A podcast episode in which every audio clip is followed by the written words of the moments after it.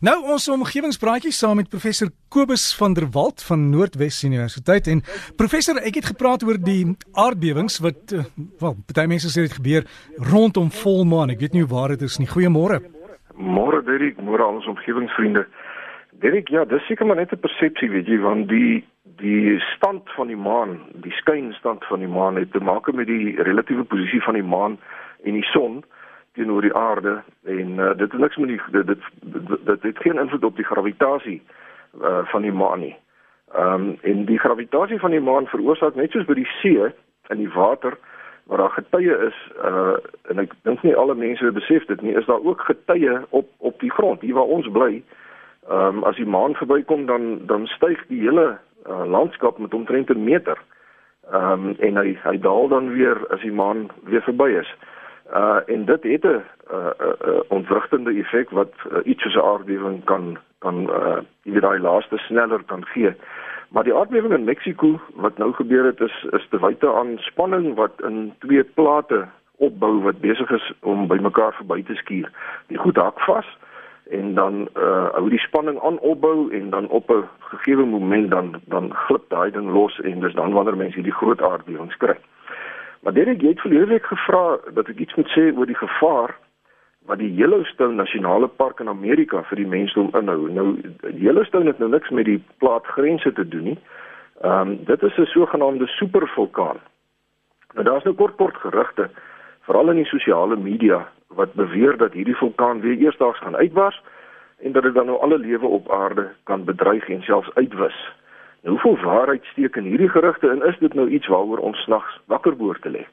Nou kom ons begin by die begin en kyk na wat Yellowstone presies is. Dis 'n area in die staat Wyoming in die VSA waar daar drie vulkaniese kalderas en twee vulkaniese koepels is wat die landskap oorheers. Nou 'n kaldera is is maar net 'n tipe sinkgat wat ontstaan as 'n vulkaan nou baie vinnig uitbars.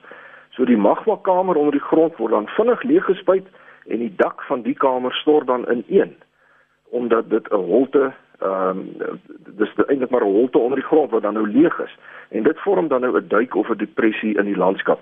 Nou in Yellowstone is daar drie sulke kalderas wat nou elkeen verband hou met 'n vroeëre uitbarsting en ons praat hier van goed wat nou nie gister en eersgister gebeur het nie. Dis so gedurende die afgelope 2 miljoen jaar en die jongste uitbarsting was omtrent 630 000 jaar gelede. Ehm um, die aard van die kalderas wys egter vir die geoloog dat wanneer hierdie vulkaan nou uitbars, dit ontploffend van aard is. En tussen die drie kalderas is daar nou twee koepels. En mens kan dit amper vergelyk met 'n ballon wat nou opgeblaas word. Dis nou magma kamers onder die grond, ehm um, wat nou weer gevul raak met magma. En dis nou hierdie goed wat die mense onrustig maak want uh, dit kan nou 'n aanduiding wees dat hierdie vulkaan nou weer gaan uitbars. Nou die magma kom van 'n sogenaamde warm gedeelte of 'n warm kol in die mantel af En daar is nou nie konsensus of dit nou die gevolg is van konveksie in die mantel van die aarde of interaksie tussen die mantel en die kors van die aarde nie. Maar dit, dit maak nou nie regte saak nie. Die feit is dat hierdie warm gedeelte diep in die aarde die gesteente smelt. En hierdie gesmelte magma beur dan opwaarts en druk dan by Yellowstone nou tans hierdie twee bulte op die oppervlak van die aarde uit. Nou hierdie magma is baie gasryk, maar die geweldige druk binne in die magmakamers hou die gas opgelos binne in die magma. Maar as dan nou 'n aardbewing of enige ander tipe verstoring voorkom, dan kan die gas ontsnap. Presies net soos wat gebeur as mense nou 'n 2 liter uh, bottel gaskoeldrank lekker skud en dan die prop oopdraai. Die oomblik as die druk verlaag, dan ontsnap al daardie opgeloste gas en dan ontplof die vulkaan letterlik deur groot dele van die aardkors eenvoudig die lug in te blaas. Nou soos ek gesê het, was die laaste so 'n superuitbarsting omtrent 630 000 jaar gelede En sedertdien was daar slegs 'n paar nie ontploffende lava vloeie waarvan die mees resente een omtrent 70000 jaar gelede plaasgevind het. Maar daar vind van tyd tot tyd nog kleiner gasontploffings plaas, maar die woord kleiner is baie relatief in hierdie verband want die jongste ontploffing van 13800 jaar gelede het 'n krater met 'n deursnee van 5 km veroorsaak. Nou dis 'n klein ontploffingkie. So as hierdie hele ding ehm um, die dag ontplof, uh, want die totale grootte van Yellowstone is omtrent 60 km lank en 80 km breed. Uh, dan kan mens sien waarom mense bekommerd is. Want as hierdie hele supervulkaan die dag besluit hy ontplof, dan sal dit inderdaad soveel stofpuin en en as die atmosfeer inblaas dat dit waarskynlik is dat die sonlig vir 'n hele paar jaar heeltemal afgeskerm sal word van die aarde met natuurlik katastrofiese gevolge vir die mens omdat alle oeste byvoorbeeld sal misluk en temperature wêreldwyd drasties sal daal. Nou gelukkig is die geoloog van mening dat daar tans heeltemal te min magma in die magmakamers onder Yellowstone is dat daar enige risiko vir 'n superuitbarsting is. En die huidige vulkaniese aktiwiteit is dus beperk tot die groot klomp geotermale spuitfonteine of dan geysers waarvan Old Faithful sekerlik die bekendste is. Die volgende ontploffing sal ook nie sommer oornag gebeur nie. Hy gaan ons nie onverhoeds betrap nie. Sulke goed neem tyd en daar sal genoegsame waarskuwingstekens wees sodat die mensdom lank voor die tyd sal weet dit kom. Maar die waarskynlikheid dat dit in ons lewenstyd sal gebeur is maar skraal.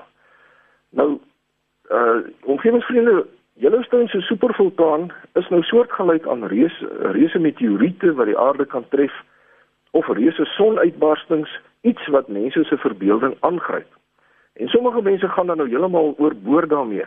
En hierdie tipe risiko's is egter 'n inherente deel van die plek in die heelal waar ons lewe en die risiko is maar altyd daar dat so iets kan gebeur. En in die meeste gevalle is die mens heeltemal magteloos teen hierdie reuse natuurverskynsels.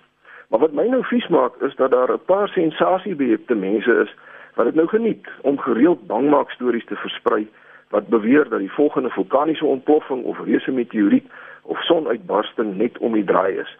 Nou geen mens kan met sekerheid voorspel wanneer die volgende groot aardbewing of die volgende groot tsunami of die volgende groot vulkaniese uitbarsting gaan plaasvind nie en of daar 'n meteoriet ons gaan tref nie ten spyte van die toenemende gesofistikeerde wetenskaplike instrumentasie. Die mense weet van die meeste uh, naby aarde objekte die die groot klippe uh, wat in die ruimte ronddryf wat 'n mens nou kan seermaak hier op aarde maar daar kan altyd nog een hier uit die bloute uitkom wat die ouens nou nie van weet nie. So mense moet hulle nou maar nie te veel steur aan die sensasiejagters en in die nagte wakker lê daaroor nie Ehm um, nog so 'n natuurramp, Dirk, wat teen die mens totaal magteloos is, kom tans nou voor oor die suidelike kusstreke van Amerika. En ek verwys natuurlik na Irma, die reuse orkaan wat tans verwoesting saai aan die aan die Karibiese eilande en dan nou die suidooskus van Amerika. In die media was nou die afgelope paar dae baie vol stories oor hoe vreeslik groot en gevaarlik hierdie orkaan is. En in teenstelling met die Yellowstone stories is dit die waarheid. Ek het gaan kyk op die webbladsy van die Scientific American waar Irma nou vergelyk word met ander groot orkane van die verlede. Nou in die eerste plek is Irma ontsettend gevaarlik en intens. Die winde waai teen 300 km/h. En die deursnee van hierdie orkaan is amper 700 km. En as as mens Irma nou vergelyk met orkaan Harvey wat 'n week of wat gelede groot dele van Texas onbegaanbaar gemaak het, dan sien ons dat Harvey nie naaste by so groot was soos Irma nie. So die mense is korrek deur te waarsku die mense moet versigtig vir Irma wees. As ons nou kyk na die grootste orkane in mense jeugenis, dan sien ons dat Irma nie ver agter die heel grootste een is nie. En slegs orkaan Ellen van 1980 het 'n hoër windspoed gehad en dit was ook maar net hoër want sy winde teen 100 uh, 305 km gewaai. Uh die orkaan Katrina wat groot dele van die stad New Orleans in 2005 verwoes het, uh se winde was maar 280 km/h teenoor Irma se huidige 300 km/h winde. Nou met so 'n orkaan gaan daar natuurlik ook geweldige stortbuie gepaard en die reënval rekord vir 'n orkaan word gehou deur orkaan Hiki wat Hawaii in 1950 getref het en 'n allemintige 1321 mm reën veroorsaak het. Dis omtrent 50 duim in die ou taal uh in 'n in 'n dag of twee. Dit is 'n ontsaglike klomp reën. So orkaan Irma is dus in alle opsigte een van die mees gevaarlike orkane ooit en my gebede is by die mense in Amerika wat nou deur hierdie natuurramp getref gaan word want dit gaan geweldige ontwrigting gepaard uh, uh, vir daai mense bring. En daarmee sluit ek af vir oggend. Omgewingsvriende u kan gerus vir my skryf by kobus.vanderwalt@nwu.ac.za of u kan my kry by die fakulteit natuurwetenskappe Noordwes Universiteit Potchefstroom 2520 Vriendelike groete tot 'n volgende keer en ek wens julle almal 'n heerlike dag toe. Professor baie dankie. Jy weet as as ons in die donker eeue geleef het en daar was 'n sonsverduistering en dan die vloede en dan hierdie storms en dan 'n aardbewing, ek dink dan sou ons 'n bietjie in 'n toestand gewees het, né? Nee? Dit ja. nee, daar is maar nog steeds uh, groot bygelowe oor die goed. Maar as jy mens nou wetenskaplik na die goed kyk dan dan uh, blyk dit duidelik dat die dat die uh, iets is nou die volmaan, jy weet, uh het nie ek kan kan kan geen op geen manier uh wetenskaplik gesproke invloed hê op iets soos 'n aardbewing nie. Ons so gesels ons dan met professor Kobus van der Walt van Noordwes Universiteit. Sy e-pos is kobus met 'n k kobus.vanderwalt by nwu.ac.za. Maar die professor plaas ek vir ons die inligting op die Facebook bladsy Omgewingspraatjies en ek sal ook op Breakfast se uh, Facebook bladsy die inligting plaas.